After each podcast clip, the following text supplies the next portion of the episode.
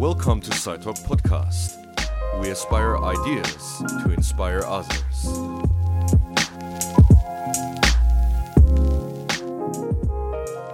Welcome to SciTalk Podcast, where we aspire ideas to inspire others. Yay! Yeay! Sen, Sen, sebelum mau perkenalan ke narasumber kita hari ini, aku punya pantun. Apa tuh? Beli bakso bayarnya cash. Cakep. Cakep. Welcome to SciTalk Podcast. Diulang-ulang ya. Dari tadi welcome, welcome, welcome. Nggak apa-apa.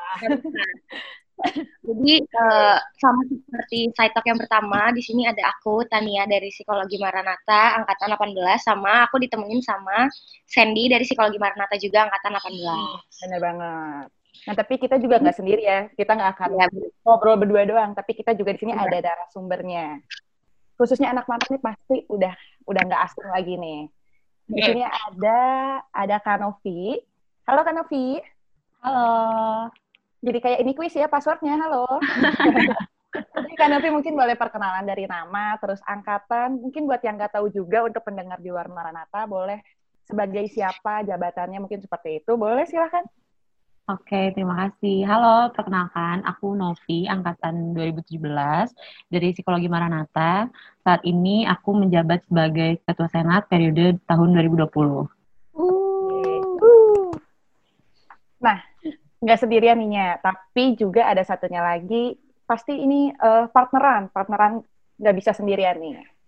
Ada Kak Putri. Halo.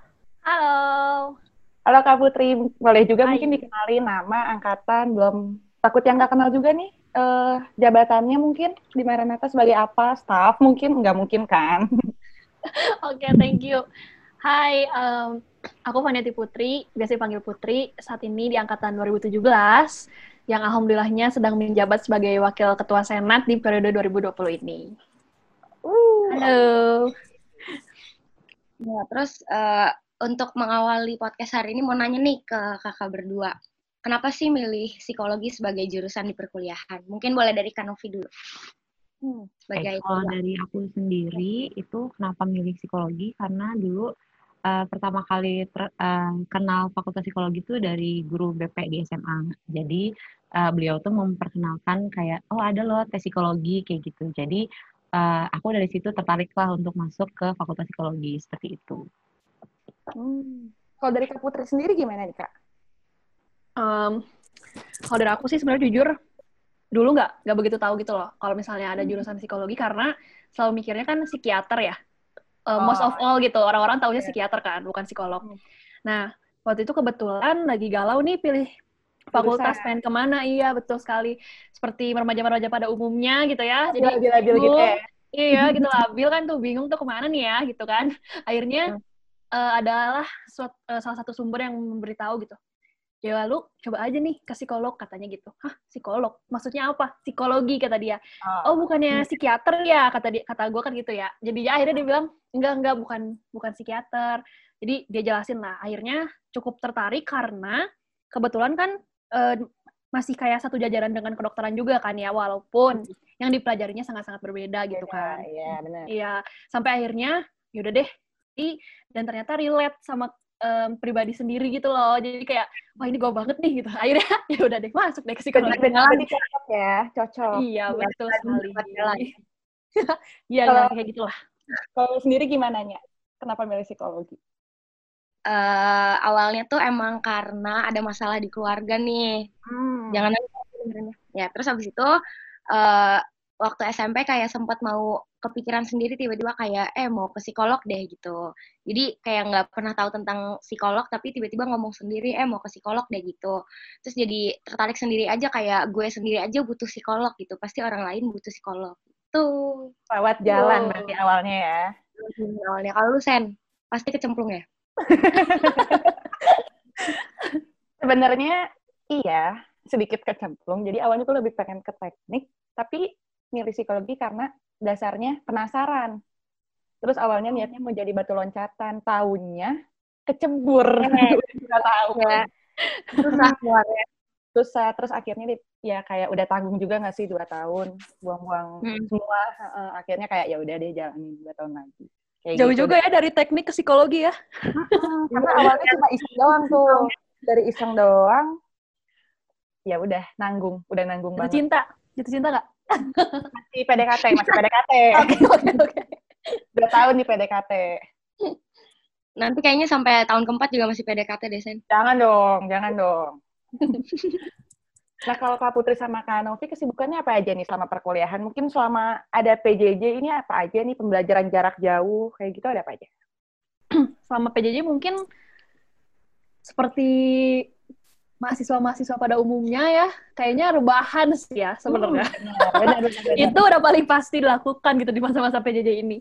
Cuman yang lagi digelutin saat ini sih mungkin lebih ke arah eh, gimana ya ngurusin untuk eh, kegiatan-kegiatan sangat di, di de- ke depannya gitu, apalagi di periode yang seperti ini kan, eh, karena ada Mm-mm. COVID ini. Jadi kita mungkin lebih fokus ke situ kali ya untuk saat-saat kayak gini. Tapi untuk pribadi sendiri sih lebih fokus buat kayak healing, lebih kayak banyak buat introspeksi diri. Karena kan kita nggak ke kampus kan, lebih banyak di rumah, ngobrol sama orang tua. Itu good medicine sih buat buat aku di rumah kayak gitu sih paling. Kalau misalkan aku selama PJJ ini, eh, ya paling ya seperti biasa kuliah online, kita ngerjain tugas, terus habis itu di samping itu juga aku cari kesibukan lain gitu loh, biar nggak jenuh itu-itu terus yang dikerjain Hmm. kayak gitu. Kayak ya bantu orang tua masak, terus habis itu eh, olahraga juga setiap sore kayak gitu sih. Terus eh, sama eh, sering menghadiri rapat-rapat online kayak gitu sih. Hmm, sibuk ya. Ya kayak kebanyakan kita-kita ya, lagi COVID kayak gini kegiatannya mungkin lebih banyak melakukan kegiatan yang belum pernah kita lakukan sebelumnya. Ya, Mm-mm. betul sekali. Terus mau nanya nih buat kakak berdua, pengalaman menarik selama kuliah di psikologi apa sih? Kan ini udah lumayan lama nih eh, Hmm. kuliah di psikologi. Terus ada nggak sih pengalaman menarik gitu? Atau cuman semuanya stres doang? Please, please, nanti orang nggak mau masuk psikologi. Itu jokes doang ya, jokes doang. jokes doang, jokes Iya, doang. jokes doang. Psikologi seru kalau masuk ya semuanya. Seru banget. menantang kok. Boleh, no? Jadi gimana pengalaman Oke. menarik? Oke, kalau misalnya dari aku pengalaman menariknya mungkin saat-saat amdat kali ya. Jadi kayak Hmm. kita oh kita harus uh, menguasai suatu alat tes nih ataupun uh, beberapa alat tes kayak gitu. Terus kita juga harus wawancara, kita harus observasi dan lain sebagainya itu itu yang paling menarik sih menurut aku. Dan uh, kehektikan kehektikan itu kayak terjadi dalam satu waktu kayak gitu sih. Iya, panik-paniknya ya, Kak. Setuju sih, Iya. setuju tapi banget. tapi ya maksudnya itu jangan diambil uh, susahnya atau ribetnya gitu tapi ya itu pengalaman untuk kita uh, kenapa kita ada di fakultas psikologi seperti itu sih Aku sih setuju sih sama Novi ya. Maksudnya, khususnya untuk psikologi di Maranatha itu sendiri kali ya. Kita tuh memang banyaknya kan praktek tuh ambil data, eh, datang eh ketemu sama orang-orang baru, bahkan yang baru kenalnya tuh pagi itu gitu kan. Itu Benar. ya, bener-bener menarik banget sih. Kayak canggung-canggung waktu kenalan. Sebenarnya eh, hal-hal kayak gitu sih yang bikin jadi menarik. Mas kayak kita nggak kenal dia, tapi gimana caranya kita harus ngebangun hubungan dengan dia secara intim gitu kan, supaya kita Benar. juga bisa dapetin trust-nya ke mereka gitu. Nah itu yang jadi menarik sebenarnya di psikologi ini. Cuman selain itu, menurutku yang menarik di psikologi adalah gimana caranya kita bisa kenal orang lewat dari kertas-kertas yang sebetulnya tes itu kan. Ka- Menurut aku itu menarik Iya, sih kayak orang-orang suka bilangnya kayak oh kamu cenayang ya, padahal kan enggak gitu. Iya. Prosesnya tuh panjang gitu kan. Kita nggak cuma Nggak lihat muka, itu, terus gue tahu kayak oh lu minggu depan bakal lulus tes kan nggak gitu ya maksudnya kayak Enggak, dukun nah, gitu, dukun. itu itu betul proses-proses yang buat bikin laporan dari mulai awal sampai akhir terus kayak tata cara laporan itu sendiri pun menurut aku adalah hal yang sangat menarik yang sebenarnya bisa dipelajarin di psikologi gitu karena eh, jujur aja gitu ya beberapa teman aku yang mungkin di fakultas yang berbeda dengan aku kayaknya nggak nggak begitu dapat hal-hal kayak gitu iya kayak gitu sih kalau dari aku Sebenarnya hampir sama sih. ya. Mm. Sebenarnya jurusan psikologi sangat menarik kayak yang tadi udah kan aku bilang. Kalau lu sendiri Sen gimana? Pengalaman Hampir sama menarik. sih.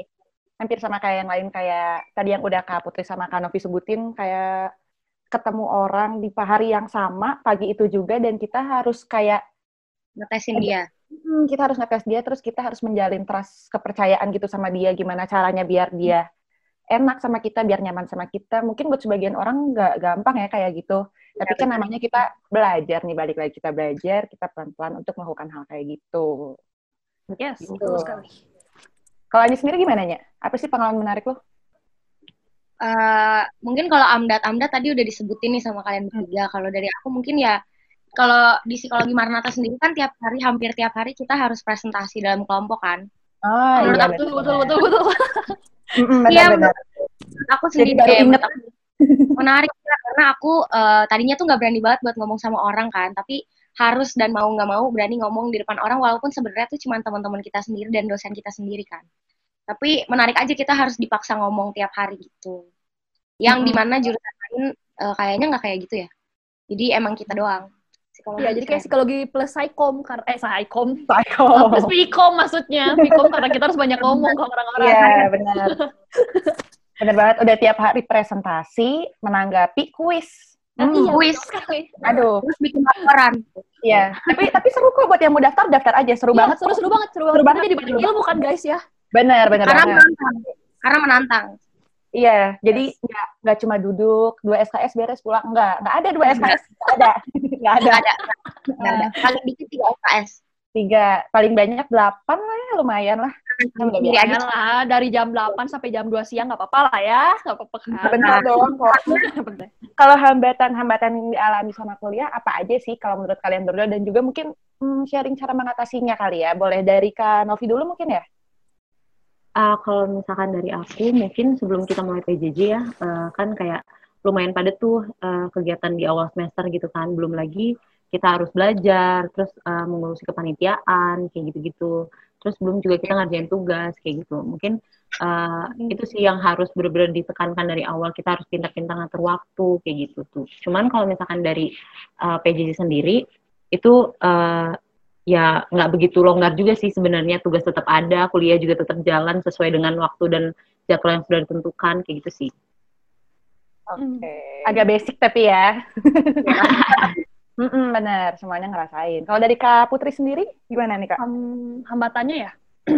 Hmm, hambatannya juga cara sebetulnya sebetulnya kalau di psikologi sih kayaknya hambatannya berbeda level kali ya maksudnya Hmm, kayak kayak sekarang aja Iya. sih sebenarnya kalau ngomongin saat ini hambatan yang paling sering dirasain itu adalah eh, kayak sulitnya untuk merangkai kata-kata di laporan nah itu Iya. hambatan sih menurut Iya. aku Iya kita kan dituntut untuk membuat laporan yang sebenarnya ya kind of perfect tapi nggak perfect tapi kalau nggak perfect juga salah gitu kan jadi kayak itu cukup menantang sih untuk jadi eh, buat diselesaikan gitu. Nah, kebanyakan kalau aku sih selain hambatan yang itu lagi sama hambatan ini mau kali ya.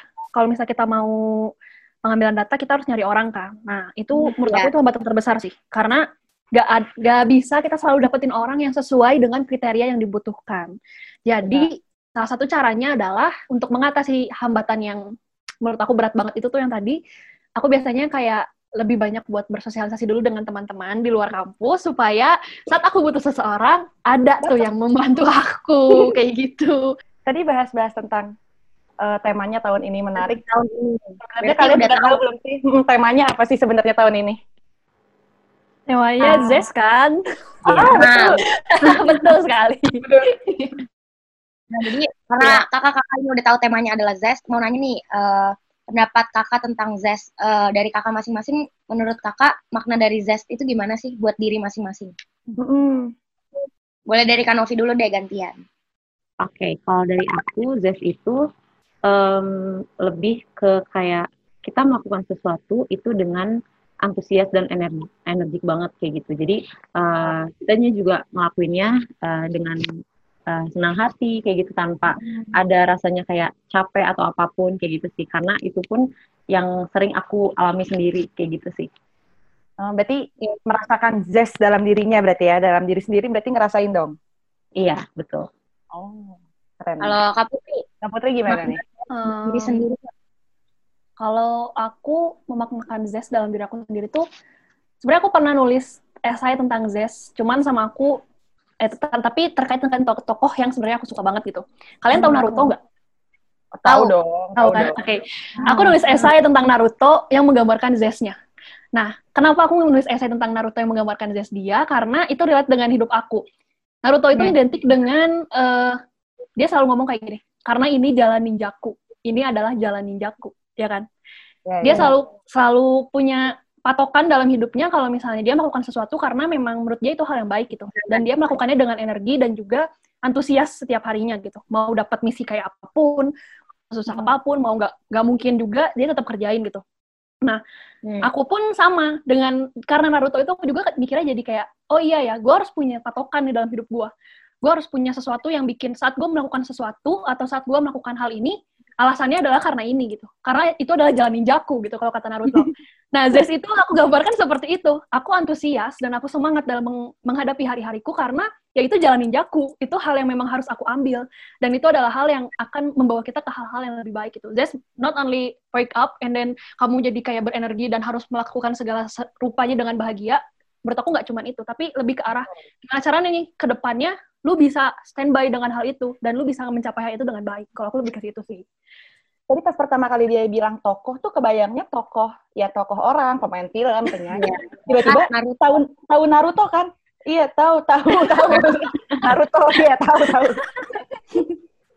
menurutku dia memang tokoh anime kan gitu kan ya maksudnya Iya, kayak benar. anak-anak kecil tuh yang nonton tapi kalau kamu ngikutin sampai dewasa sekarang sebenarnya kamu bisa lihat kalau Zes dia tuh besar banget sebenarnya gitu Boruto ya, kalau salah apa Boruto, Boruto. anaknya Boruto anaknya Boruto Oh, anaknya Itu anak Isen. Ini Makanannya bapaknya Boruto, bukan. bapaknya Naruto bukan, bukan.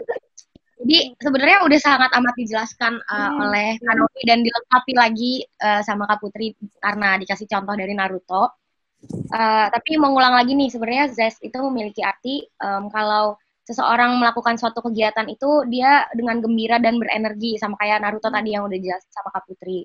yes. Uh, Keywordnya tidak Naruto ya, keywordnya Naruto pokoknya. center attention-nya di sini Naruto ya. Hmm. Jadi ya itu kalau melakukan suatu tugas atau pekerjaan itu enggak setengah-setengah. Jadi dia melakukan semuanya tuh dengan sepenuh hati. Betul. betul sekali Selalu merasa bersyukur, selalu merasa ada pengharapan dan uh, jadi timbul cinta dalam diri sendiri gitu. Ya. Jadi kita harus apresiasi Naruto ya sebenarnya. oh tentu Iya. saja Betul. selain menonton analisis juga kayak psikologi kan Waduh, waduh, Keren. berat, berat. Sampai nonton anime pun dianalisis. Sangat Iya betul mendalam betul betul urusan berarti ya. Eh, ketahuan kan jadinya Kalau dari kalian berdua sendiri, sebenarnya udah belum sih mendayabaktikan Zest itu sendiri? Boleh dari Kak Putri lagi deh nih, Mm-mm. karena ngomongin kalau aku sendiri sih sebenarnya kalau Zest itu sendiri sebenarnya kan nggak nggak sesederhana itu ya maksudnya kayak aku selalu yakin kaitan dengan psikologi positif itu sebenarnya sangat-sangatlah rumit gitu ya nah Oke. untuk didayabaktikan aku yakin setiap orang pasti setelah belajar tentang Zest atau baca tentang Zest mereka berusaha. Nah aku juga sama. Aku di sini berusaha sih. Aku bilangnya kayak aku berusaha buat gimana caranya menjalani setiap kehidupan aku dengan rasa-rasa yang bahagia rasa-rasa yang sebenarnya eh, kayaknya ini gue harusnya eh, kerja keras di sini tapi nggak boleh ngeluh. Itu tuh salah satu yang menurut aku kayaknya bisa tuh menjadi zest aku gitu yang nembuhin zest di dalam diri aku. Dan aku juga mencoba untuk lebih mencintai diri aku sendiri melalui zest itu sendiri gitu nah kayaknya aku cukup mendayabaktikan tapi belum bisa dibilang udah gitu kalau aku gitu sih Dikit-dikit lah ya. ya dikit-dikit lah ya bertahap bertahap Kalau Kak Novi gimana, Kak? Udah belum sih? Kalau oh ya oke, kalau dari aku em, mungkin bisa dibilang sama kayak Putri, dibilang cukup bisa Hmm. mendayabaktikan.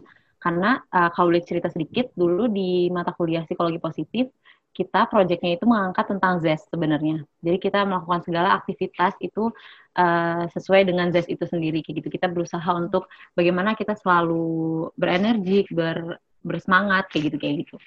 Nah, eh, sampai sekarang pun aku juga berusaha untuk seperti itu gitu. Jadi aku pun eh, melakukan setiap aktivitas aku, setiap kegiatan aku dengan sampai selesai. Terus habis itu eh, selalu dengan energik, bersemangat kayak gitu. Terus jangan lupa sama bersyukur juga sih, karena kan maksudnya kita juga bisa ada di sini kan itu juga bukan karena kemauan kita atau apa kayak gitu kan. Nah, sebenarnya mendayabaktikan Zest ini hmm, gampang-gampang susah sih, Nya, sebenarnya. Nah, kita ada tips and triknya. sekedar berenergi dalam melakukan kegiatan Hmm. sebenarnya. Ini salah satu, nggak salah satu, salah dua, salah tiga mendayabaktikan Zest itu sendiri. Yang pertama, ada take care of your body. Nah, take care Apa of tuh your, bahasa Indonesia? take care of your body artinya kalau di bahasa Indonesiain, kalau ke Jogja sukanya beli apa? Enggak lah. Nah, ini tuh contohnya kayak makan makanan yang sehat, tidur yang cukup. Soalnya kayak gitu udah salah satu cara gimana mendebaktikan itu. Dari yang tadi take care of your body tentunya. Terus selain itu ada juga mm, practice mindfulness. Tadi sebenarnya udah disebutin tahu sama Kak Putri sama Kak Novi dengan cara bersyukur. Benar. Terus yang ketiga ada do physical activities. Nah, ini kan lagi mumpung lagi apa? di rumah di rumah jangan banyak keluar-keluar ada hmm. olahraga minimal 15 menit per hari. Nah, ini banyak banget nih sekarang udah banyak aplikasi atau teman-teman yang suka workout workout di rumah pakai TikTok juga mungkin workoutnya. Betul, betul, betul. Hmm, itu kan bikin TikTok nggak sekali tag jadi ya, sampai berkali-kali bisa lebih dari 15 menit ya, boleh lah. Nah, keringetan dikit boleh lah. Mm-mm, sama ada yang terakhirnya. Apa tuh, Sen? Yang terakhir itu celebrate little victories, di mana kita mengapresiasi kemajuan kita meskipun kecil. Hmm. Gitu. Hmm. Nice, nice. Ini sebenarnya cara untuk mendaya baktikan zest tuh nggak susah, cuman ya balik lagi ke kitanya gimana mau melakukan itu atau enggak ya. Hmm. Betul. itu kegiatan sehari-hari ya, cara bersyukur, tidur cukup gitu ya. Iya, dan mungkin bisa ditambahin juga perlu konsistensi kali ya. Nah, iya benar. Iya, benar, benar banget. Kalau mungkin yang pertama sebelum semua dilakukan perlu niat kali ya. Niat harus ada. Iya, betul. Ya, betul. betul, betul. Kalau udah nulis tapi nggak dilakuin ya gimana ya, gitu ya. Betul, buat apa juga. Sebenarnya apa itu kan susah-susah gampang sebenarnya. Nah, iya. Apresiasi kemajuan kita walaupun kecil banyak nih sebenarnya di lingkungan-lingkungan anak kuliah. Kita kayaknya udah pernah sebutin ini juga dehnya sebelumnya. Banyak ya. banget nih anak-anak kuliah kalau misalnya uh, selesai amdat atau selesai apa yang ngasih makanan kecil kayak mungkin atau snack nanti dikasih Donat, ya. Hmm, dikasih sticky note semangat atau selamat ya gitu-gitu kayaknya itu merupakan bagian celebrate little victories gak sih? Nah, oh, betul banget, betul banget. Betul, betul. Yang tadinya aku remet terus tiba-tiba nggak remet juga harus diapresiasi itu. Mm -mm. Oh iya, Benar. itu harus banget diapresiasi. Perjuangan. penuh, penuh perjuangan itu yang tadinya laporan harus direvisi terus nggak usah direvisi lagi itu juga harus diapresiasi. Harus diapresiasi, betul betul sekali. Betul betul. Jadi Sedikit tepuk tangan ya. ya. Iya benar. Boleh boleh. Dan lagi ada lagi yang harus diapresiasi. Kalau kita tuh? danusan, habis nggak pakai uang nah, kita itu harus sangat diapresiasi. Nggak nggak nambah pakai duit sendiri ya. Iya betul sekali. Kalau iuran sama BU juga udah bayar lunas itu juga harus diapresiasi. Wah, fake fake. Pisau coklatnya kak lima ribu aja. ya Allah. Ya, ya, pokoknya susah-susah gampang cara untuk mendaya baktikan dalam hidup ya. ya Tapi menurut Kanovi sama Kak Putri nih, pendapat tentang orang-orang yang sudah punya zest di sekitar kakak tuh ada nggak sih kayak misalkan kakak punya teman terus yang kayak wah iya dia zest banget nih gitu. Nah iya. Ada nggak sih orang di sekitar kakak yang udah zest banget gitu yang kelihatan zest? Boleh dari Kanovi lagi mungkin. Apa ya? Uh, mungkin nggak banget kalau mau bilang juga boleh.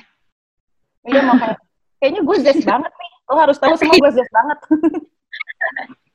Tapi kalau misalkan dibilang zest banget mungkin belum kali ya, tapi ya cukup lah, masih masih bisa dibilang cukup kayak gitu. Ada sih beberapa teman aku yang yang cukup zest dan menurutku itu juga bisa mengimbas ke aku gitu loh. Jadi aku pun bisa seperti mereka, itu juga memotivasi aku gitu sih. Oh, disebutin aja kali namanya siapa tahu bisa kita saling sapa di sini silaturahmi di ya, kita jadi kita juga minal izin wal izin semuanya gitu. udah lewat udah lebaran oh, udah lewat, ya. Kalau dari Kak Putri, pernah ini gak sih sadar kayaknya si ini jazz banget nih? Ada sih. Ada teman SMP aku. Dia tuh lagi ada di rumah kebetulan. Kayak kayak jauh tapi gak apa-apa. Harus yeah. diapresiasi. Dia teman SMP tapi sampai sekarang masih berhubungan. Jadi kayak sering datang ke rumah juga gitu. Nah, apa dia ya? cewek. Emang hmm. aku suka lihat dia Zest tuh karena memang setiap kali auranya itu beda gitu. Setiap kali kita ketemu yang apa ya istilahnya menyalakan vibes-nya tuh dia gitu hmm. yang entah itu dari mulai perjuangan dia masuk kuliah dari yang dia harus uh, tahan setahun dulu baru bisa kuliah tapi nggak bener-bener bener-bener gimana ya? Bener-bener dia tuh kayak nggak nggak patah semangat gitu. Selalu aja bahagia selalu aja uh, tiap harinya tuh produktif kayak gitu. Coba buat belajar hal baru dan juga mau nyerah gitu kan. Nah namanya Meva. Semoga dia mendengar podcast ini ya nanti. Hai Meva ya, dia anak STPB kebetulan ya. Semoga anak STPB lain juga mendengarkan podcast ini. Dan dia dia memang cukup zest sih menurut aku ya, karena uh, benar-benar yang ngangkat vibes jadi baik tuh dia gitu dari awal sampai akhir biasanya kayak gitu. Dan tiap kali kita cerita ke dia pun, perjuangan hidup dia pun gak mudah, tapi dia ngelewatin itu dengan uh, senyuman-senyuman dia, dengan semangat dia, dengan cara dia untuk uh, apa ya, mencoba menangani setiap masalah dia gitu. Menurut aku dia keren sih jadi inspirasi juga ya tentunya buat kita. Iya, betul sekali. Keren. Sebenarnya udah disebutin ya ciri-ciri orang yang zas banget gimana. Jadi ya disebutin lagi deh biar orang-orang tambah ngerti nih yang dengerin.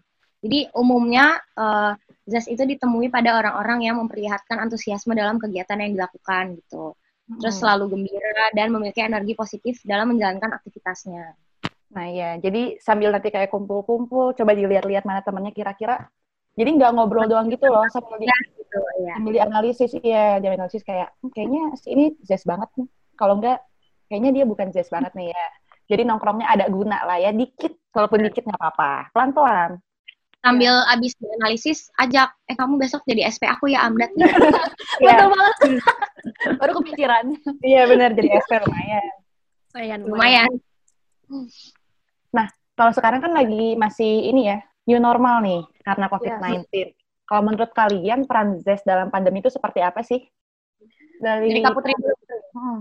Kalau peran ZES saat COVID itu mungkin lebih ke arah kayak yang biasa aku lakuin, lakuin kali ya, lebih ke arah ke diri sendiri kayak coba lihat nih apa nih yang sebenarnya bisa ditingkatkan, apa sih sebenarnya yang harus kita uh, syukuri gitu. Kayak covid ini kan sebenarnya menurut aku transesnya tuh jadinya kayak kita harus coba buat nerimain keadaan gitu kan. Kita tetap harus buat uh, mencintai diri kita dalam keadaan seperti ini gitu. Harus tetap buat bersyukur dengan oh ya ya gue masih masih mending nih di sini bisa bisa ngobrol bareng teman-teman. Di sana tuh ada yang bahkan nggak bisa pulang ke rumah kayak gitu kan. Sebenarnya lebih ke arah situ sih kalau aku.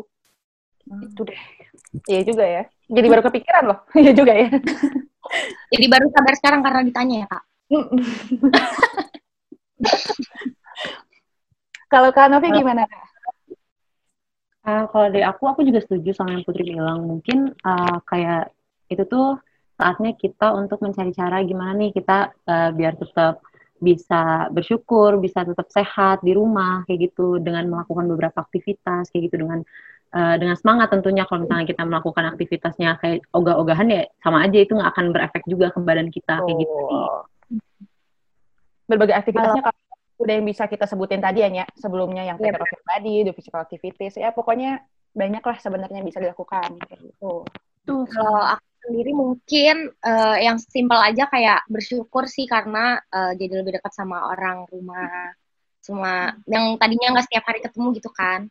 Tapi sekarang jadi setiap hari ketemu gitu. Curahan Sandy yang rantau ya. Curahan anak rantau iya, banget rantau saya yang mendalami peran anak rantau saya bersyukur bisa di rumah. Hmm. Kalau Sandy gimana kan? Hmm, sama sih lebih ke bersyukur. Cuma bersyukurnya kayak bisa tidur lebih lama, bisa bisa main game santai, apalagi udah mulai kosong nih jadwal-jadwalnya, bisa main game sampai malam tapi tidurnya tidak cukup, kayak gitu sih. Sebenarnya tidurnya cukup, cuma jamnya kebalik. Jadi di burung hantu. Iya bener banget pasti banyak banget nih yang kayak gini pada saat liburan kayak gini banyak banget pasti. Nah terus masih bersangkutan dengan new normal nih kak. Kan sekarang new normal yang uh, udah boleh keluar-keluar tapi belum bisa sesering itu kayak biasanya gitu. Terus kan ada kebijakan-kebijakan tertentu yang dilakuin uh, pas new normal. Kira-kira kegiatan apa aja sih yang bisa kakak lakuin selama new normal apalagi kalau lagi di rumah? Mm -mm. Boleh dari siapa dulu deh terserah. Nov, silakan Nov. Oke, okay, kalau misalkan dari aku, jujur aku kalau misalkan untuk keluar rumah dengan menghadapi new normal di keadaan ini uh, masih terhitung jarang karena masih bisa dibilang kayak ya tetap takut juga gitu dengan virus ini gitu.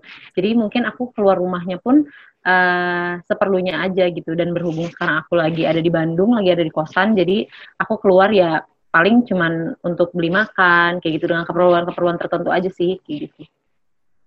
Hmm. Kalau Kak Putri sendiri gimana Kak? Sebenarnya untuk new normal aku udah beberapa kali sih uh, pergi keluar sebenarnya hmm. untuk pergi nongkrong. ketemu teman, iya nongkrong, ya salah sih saya ya, jangan ikutin. Cuman stres juga nih di rumah ya sebenarnya. cuman uh, cuman selang satu minggu itu pun beberapa hari sekarang udah di rumah lagi sih. Mm-hmm. Dan lebih banyak fokus di rumah tuh lebih ke arah kayak kemarin ngerjain P3, alhamdulillah udah beres ya. Uh, terus sekarang ya lagi fokus buat mengejar drakor-drakor yang belum sempat tertonton selama iya selama berkuliah di psikologi gitu ya dan nonton-nonton anime yang belum sempat saya tonton gitu. yeah. jadi normal saya adalah melakukan hal-hal yang sebenarnya belum sempat aku lakuin nih aku coba lakuin di new normal ini gitu buat ngabisin waktu di rumah atau di kamar lebih banyak ngobrol sama teman-teman yang rumahnya dekat gitu. Mungkin itu sih lebih banyak kayak tukar pikiran, ngomongin masa depan. Aduh, berat ya diskusinya. Jadi kita benar-benar gak ngerasa stres sih karena tetap ada berhubungan dengan manusia gitu ya. Kan kalau sama tembok doang kayak aduh capek gitu kan ya. Gitu ya benar. Ya, nggak ada responnya ngomong sama tembok. Iya, betul. Kalau Sandy ya pas Kalau Sandy mah sering banget nih keluar rumah jangan ditiru ya. Keluar pagar ya, keluar pagar. Uh, Iya sih, agak beberapa kali nongkrong. Jangan ditiru ya. Berapa Tapi, belas kali. Mm nggak banyak, ya. Jangan disebutin dongnya.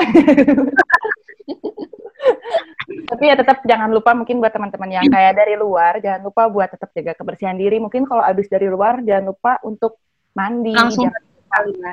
Nanti bajunya langsung dicuci, terus tiap ini tempat bawa hand sanitizer sendiri buat jaga-jaga atau mungkin langsung cuci tangan pakai sabun selama 20 detik mengikuti langkah-langkah yang udah ditentukan. Jadi promosi kesehatan ya kayaknya salah nih tujuan podcastnya. Iya. Anda jadi jurusan psikologi atau kedokteran nih Bu? Mohon maaf. Jurusan pengennya sih sebenarnya dulu aku sih jadi ngarang lagi nggak ada. Kalau lu nya gimana nya? Kalau aku di rumah jadi lebih sering masak kali ya gara-gara gabut terus lihat TikTok kan hmm. sering ada terus resep-resep di TikTok yang gampang terus jadi ya udah jadi sering masak-masak terus ya udah ketemu teman-teman yang sedaerah rumahnya terus kayak hmm. terus skate setiap malam hmm. ya benar aku sekarang jadi anak skate udah keren ya jadi nanti aku ke kamu masuk kelas naik skate Nice. Oh, ditunggu ya, ditunggu ya nanti ditunggu di depan. Karena ini normal. Jadi kebiasaan baru. Aduh. Promosi ya, pokoknya nggak sekalian. Nggak usah, makasih. Jadi sering. Promosi dendeng. Brand, punya brand dendeng. Nggak usah. boleh tuh, boleh tuh. Kalau mau pesan dendeng nanti boleh hubungin Anya aja. Ya. Jangan, jangan, Sandy. Jangan, nggak. Pesan ke Sandy aja, es kopi ya udah sama oh. pokoknya intinya jadi sering melakukan kegiatan-kegiatan yang tertunda atau hal-hal baru yang nggak besar tapi simple tapi ya baru tuh pengalaman baru seru ya kalau dipikir-pikir sebenarnya seru banget nah iya. jadi sendiri kan tadi udah kita sebutin juga erat kaitannya sama kegiatan fisik kayak olahraga tapi kalian sendiri sebenarnya ngelakuin gak sih kegiatan fisik itu di rumah hmm cuma bahan doang nih ya. dari siapa Kak Putri deh boleh kayaknya udah antusias jawab kegiatan fisik kayaknya. Ya, saya gimana ya? Kalau untuk kegiatan itu sempat dilakukan selama satu minggu. Hmm. Baru main tuh. Kemudian dengan alasan, aduh sakit badan deh kayaknya nggak enak gitu ya. Jadi kayak ini masalah olahraga itu bukannya sehat, malah jadi sakit badan gitu, gitu kan. Iya, padahal gara-gara salah sendiri dua tahun kagak olahraga gitu kan. Jadinya kayak gitu. Tapi jujur saat ngelakuin olahraga memang ngerasa lebih happy sih. Maksudnya kayak hmm. uh, ngerasa kayak oh ya ya ada yang gue lakuin dan itu produktif gitu. Kayak hmm. selama ini rebahan doang nih. Nah karena olahraga tuh jadi produktif, lebih ngerasa kayak pikiran-pikiran negatif, overthinking tuh menghilang gitu. Jadi aku sebenarnya merekomendasikan teman-teman untuk berolahraga ya 10 menit aja, 15 menit capek. 15 menit baru capek. Kalau Kanovi gimana?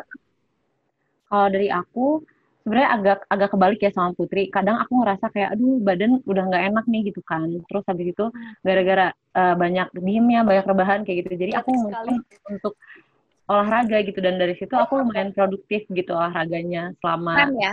ya akhir-akhir inilah kayak gitu. Dan menurutku juga olahraga ini bisa naikin mood aku gitu dalam uh, kuliah, ngerjain tugas kayak gitu sih dan biar nggak bosen juga di rumah kayak gitu. Tapi benar sih kalau olahraga terus uh, apa badan kita fit, badan kita kuat, pikiran kita juga jadi fresh gitu. Jadi Betul. mau ngelakuin apa juga enak. Betul. Betul banget. Buat ini kali ya yang lagi dengerin yang suka malam-malam waktunya Indonesia bagian overthinking, mungkin boleh kali paginya workout dikit, 15 menit ya iya. Mm-mm. Mm-mm. Benar. Terus kalau Itu sendiri ya, Sen? Nah, kalau rencana ke depannya dari kalian berdua setelah lulus dari psikologi itu apa sih? Apakah mau lanjut mungkin? Apa mau langsung kerja? Apa ada yang mau langsung nikah? Udah ada calon mungkin? Jangan lupa undangan Hmm. aja. Dan lupa undangan. Jadi pagar ayu juga. Gue tamu aja capek pagar ayu. Gimana nih rencana Putri deh boleh. ah. Kalau aku sih rencana beres di psikologi ini, amin ya Allah. Semoga tahun depan beres ya. Amin. Eh, sebenarnya pengen kerja dulu sih setahun pengen nyoba jadi asisten psikolog dulu sih karena kayaknya agak menarik tuh kerjaannya karena kan aku mau nah setelah satu tahun itu barulah aku pengen coba eh, S2 buat ngambil profesi gitu kan. Karena sayang juga nih udah belajar empat tahun dengan segala eh, keluh kesah yang ada betul sekali dengan segala hambatan hambatan. kayaknya banyaknya hambatan gitu ya. Kayaknya lebar juga nih kalau nggak dilanjutin. Makanya kayak pengen S2 sih. Tapi eh, itu masih rencana. Kita nggak tahu ya Allah merencanakannya seperti apa untuk aku. Siapa tahu nikah dulu. Oh my god. Siapa tahu ya. Tapi Oh, kalau enggak ya nggak apa-apa. Nih kayaknya. jadi independen Siapin dulu jodohnya ya. Rapin dulu Iya, jodohnya ya. sekali. siapin dulu jodohnya tapi ya rencananya kayak gitu sih semoga aja bisa sesuai dengan apa yang aku rencanakan dan Amin. Amin. Heeh. Berarti Kalau kamu sendiri, Kalau aku sebenarnya nggak jauh beda dari Putri. Aku juga pengennya eh, setelah lulus tahun depan, amin. Itu Amin. aku juga eh, pengen cari pengalaman dulu untuk bekerja kayak gitu. Dan sebenarnya aku juga udah ada kepikiran, maksudnya pengen nih ada eh, ngelanjutin kayak gitu ke S2. Tapi ya itu lihat lagi ke depannya akan seperti apa kayak gitu. Karena kan pasti perlu biaya juga. Dan aku tuh pengennya untuk biaya ini juga kayak ya udah mending aku aja gitu yang cari untuk S2 nanti kayak gitu. amin. ya semoganya semoganya semoga semuanya dapat berjalan Lancar. sesuai Amin. Kalau Sandy, Sen, walaupun perjalanan masih panjang dan belum bisa dilihat ujungnya, rencananya apa, Sen? Nanti dipikirin dulu ya nanti dipikirin sebenarnya pengennya lanjut sih cuma nanti dipikirin lagi balik lagi semuanya dipikirin lagi Mm-mm, Kalau- dan dari rencana ya. Mm-mm, Kalau aku sama sih kurang lebih kayak kakak berdua pengen lulus. Amin dua tahun Amin. lagi. Amin. Amin. Amin. amin amin Ya amin, terima kasih diaminkan. Terus eh, habis lulus sama sih sebenarnya pengen kerja dulu antara jadi asisten psikolog itu juga udah kepikiran dari lama atau jadi HRD. Sama ya kalau dilancarkan jalannya pengen S2 sih. Terus abis itu pengen Amin. bikin S3. praktek sendiri. Tapi ya balik lagi nggak usah S3 udah nggak usah nanti dulu itu mah. capek ya cuy Sampai S2 aja masih amin gitu kan. iya S3 betul mah. Tapi ya balik lagi gimana nanti rencana di ke depannya jalannya gimana. Ya, Tiba-tiba jadi nanti- profesor kan gak ada yang tahu ya Iya, Iya, tiba-tiba siapa tahu kan di dosen Marnat kan, ya nggak ada yang tahu. eh, oh mantap tiba-tiba naik jadi udah bukan ini lagi apa? Kalau di S1 tuh dekan, udah tiba-tiba jadi rektor. Loh, siapa nih Wah. kayak kenal? Oh, Kenal gitu. kayak kenal. amin Doain aja yang terbaik buat kita semuanya ya. Amin. Aminin aja dulu. Jalannya di mana? Aminin aja dulu. Amin aja dulu. Nah, berhubung udah mau udah masuk tahun ajaran baru kali ya, udah penerimaan-penerimaan mahasiswa baru, saran saran kalian buat orang-orang di luar sana yang ingin milih jurusan psikologi, mungkin boleh dikasih sarannya. Yang mungkin abis dengerin podcast ini jadi tertarik di psikologi atau yang emang udah mau masuk jurusan psikologi. Meyakinkan. Sarannya. Untuk adik-adiknya dari kakak berdua. Dari aku dulu boleh kali ya? Boleh. Boleh. Kalau dari aku mungkin sarannya eh, tekun kali ya dalam dalam melaksanakan perkuliahan ini, terus habis itu em, selalu semangat dan jangan pantang menyerah sih kalau dari aku kayak gitu. Singkat, padat, jelas. Ya. Emang. Emang itu. Iya. Kalau itu sama aja kalau ngucapin happy birthday, wish you all the best, udah singkat. Wes, Singkat, padat. Intinya itu sebenarnya. Mau ngomong panjang tapi nggak tahu apa gitu kan. Kalau Kak Putri, saran untuk Ya. orang-orang yang mau milih jurusan psikologi.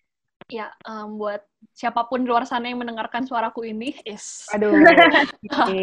yang mungkin lagi mikir buat kayaknya aku cocok nih masuk ke psikologi, eh, Iya. coba pikirkan kembali dalam hati anda. Bukan bukannya nyuruh buat bilang nggak cocok bukan, tapi eh, orang-orang di luar sana kadang mendeskripsikan psikologi itu sebagai jurusan yang terkesannya mudah gitu kan.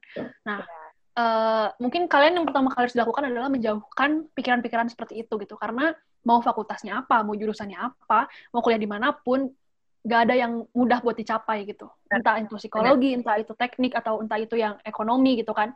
Nggak ada yang Iya. mudah buat dicapai.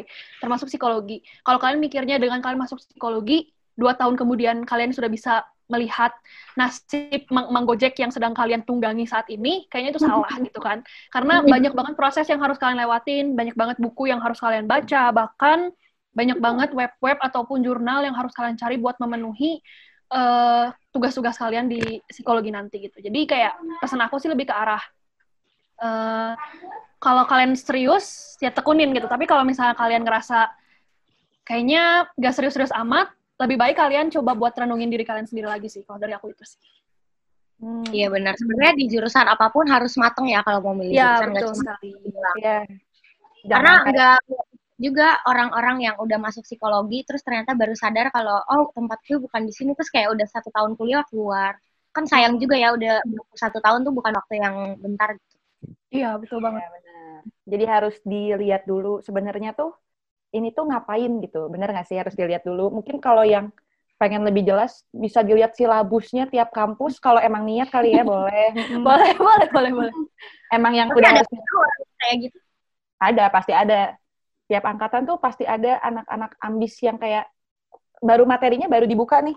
Terus dia udah bisa jawab apa aja terus kayak kok tahu Itu zest. Sih?" itu zest. itu zest. Iya.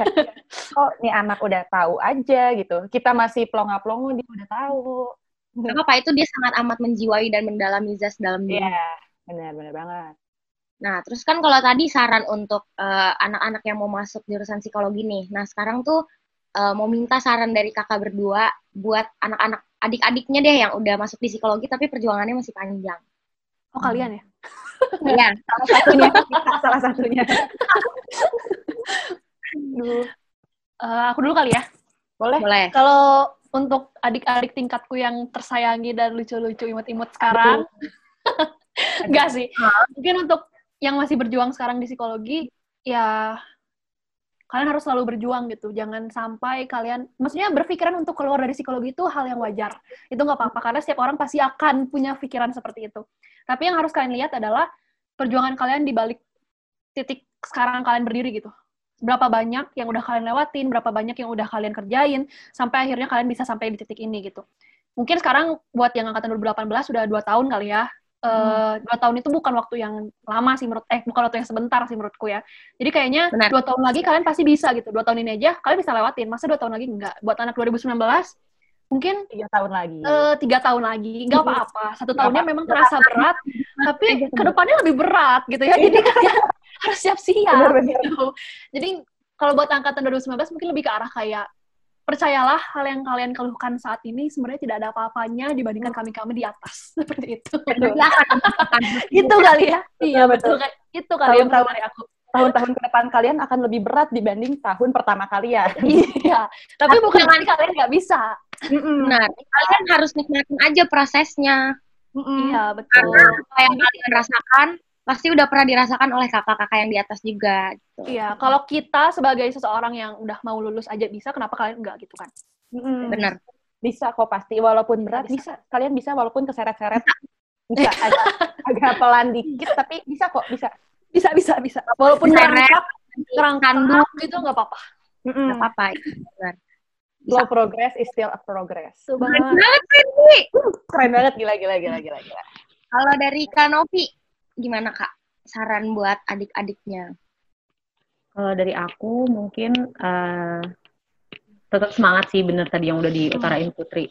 Kayak ya kalian udah masuk ke Fakultas Psikologi, ya udah dijalanin dengan sebaik mungkin kayak gitu. Dan Hmm. menurutku juga kalian eh, kurangi yang namanya mengeluh ya pasti otomatis kayak banyak orang ya iyalah seri apa sih pernah mengeluh gitu ya. Tapi uh, perlu dipikirkan juga maksudnya mengeluh juga itu nggak begitu menguntungkan sih kalau menurut aku. Kayak itu hanya buang-buang waktu aja gitu. Jadi mending lebih disyukuri aja apa yang udah kalian capai sampai saat ini terus bisa juga diperjuangkan dan uh, ya diperjuangkan untuk ke depannya kayak gitu sih. Nggak akan kerasa kok kalau kita ngejalaninnya juga dengan happy kayak gitu Benar. Yeah. Pokoknya kalau kalian nanti bakal membuahkan hasil ya di depan. Betul. Ya paling sekali, betul banget. Sekali dua kali dimarahin dosen mah biasa lah makanan sehari-hari ya. ya Harus di kan sayang sama kita. Mm-mm, sayang banget. Iya. Sayang banget. Dikurangi nilai sikapnya juga ya udah aja ya, Sen. jadi jadi Semoga nggak ada. Semoga nggak ada lagi ya yang nilai sikapnya ya. Nah, pokoknya semuanya dinikmatin aja. Iya, semuanya harus berjalan aja, nggak masalah. Jadi yang kayak nilai sikapnya dipotong, ya bersyukur aja. Ternyata masih lulus mata kuliahnya, nggak apa-apa, bersyukur aja. Yang dimarahin karena minum di kelas, udah nggak apa-apa, iyain aja. Pernah ada yang dimarahin karena buka sepatu di kelas, nggak apa-apa, nikmatin aja. Nah, nah jadi saran-sarannya terima kasih atas kakak-kakak karena saran-sarannya sangat berguna hmm. ya walaupun kita tuh udah tahu harus ngapain tapi ya balik lagi kita membutuhkan dari orang lain sebenarnya. Nah, okay. sebenarnya pertanyaan kita udah selesai nih Sen. Mm-hmm. Wow. Tapi kita mau karena berhubung kakak-kakak berdua nih sebentar lagi akan uh, lengser dari psikologi dan akan Amin. Amin. Amin kita mau ngetes nih uh, pengetahuan kakak-kakak berdua sebagai ketua dan wakil ketua senat ya. Senat. Nah, ini ada punya dua sesi. Hmm, ini adalah sesi pop quiz.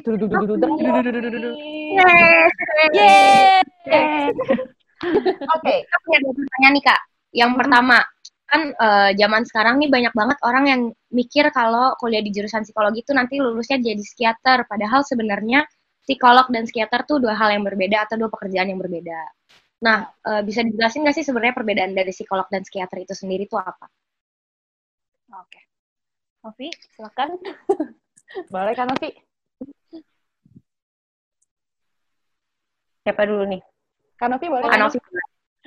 Oh, kalau misalkan menurut aku ya, kalau psikolog sama psikiater tuh uh, bedanya itu kalau misalkan psikolog itu nanti uh, bisa pekerjaannya bisa jadi dosen, jadi konselor, jadi apa ya ya lebih lebih ke konseling sih kayak gitu. Jatuhnya ke situ. Uh, kayak minta-minta saran ke konselor kayak gitu. Tapi kalau misalnya untuk psikiater itu beda lagi.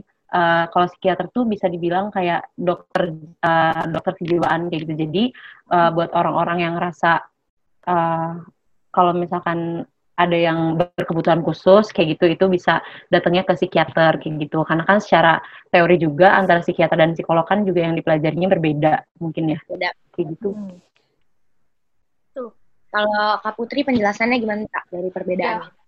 uh, mungkin yang dijelasin sama Novi juga betul cuman mungkin untuk mempermudah lagi buat yang mendengarkan saat ini kan pasti banyak tuh ya yang nanya-nanyain di lingkungan-lingkungan sekitar kita cukup jelaskan bahwa psikolog itu adalah lulusan dari psikologi, sedangkan psikiater itu lulusan dari kedokteran. Itu yang mudahnya dulu. Ya. Ah, udah beda dalam bidang ilmunya pun udah beda kan. Yang satu kedokteran, hmm. yang satu psikologi. psikologi. Jadi, hmm, psikolog tuh yang lulusnya dari psikologi, sedangkan psikiater dari kedokteran. Lalu, apalagi sih yang bisa kalian jelasin ke mereka adalah uh, psikologi eh psikolog itu sebenarnya lebih mengarah untuk uh, membantu dalam kebutuhan-kebutuhan sehari-hari seseorang gitu. Kayak misalnya stres kan pasti dialami seseorang kan. Itu sebenarnya menyangkut dengan keseharian mereka kan. Nah, datanglah iya. dulu ke psikolog. Tapi kalau saat kalian udah tahu bahwa misalnya lingkungan sekitar kalian ada yang skizofrenia misalnya ya, itu kan termasuk penyakit akut gitu. Nah, ya. kalian bisa langsung datang atau rujukan ke psikiater. Mengapa? Dikarenakan psikiater berfokus untuk memberikan obat, sedangkan psikolog itu tidak punya kewenangan untuk memberikan obat kepada pasiennya. Hmm. Atau yang biasa disebut sebagai klien.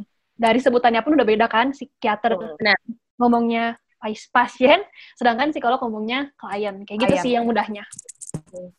San, kayaknya di podcast ini kita nggak usah menjelaskan apa-apa ya. Karena benar-benar jawabannya.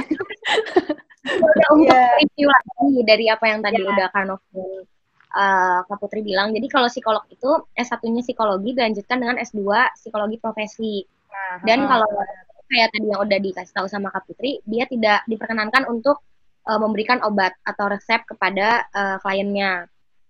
Dan uh, kalau psikolog itu di bawah naungan organisasi yang bernama HIMSI. Kalau psikiater itu HIMPESI. Kalau psikiater itu S1-nya ngambil kedokteran, lalu S2-nya baru spesialis ilmu kedokteran jiwa. Terus diperbolehkan untuk memberikan resep dan di bawah naungan organisasi IDI. Gitu. Ya, Ikatan Dokter Indonesia. Iya, dan kalau kalian banyak banget sih sebenarnya masih sering banget masyarakat eh, orang-orang di Indonesia yang bilang kayak uh, psikolog dan psikiater tuh cuma buat orang gila.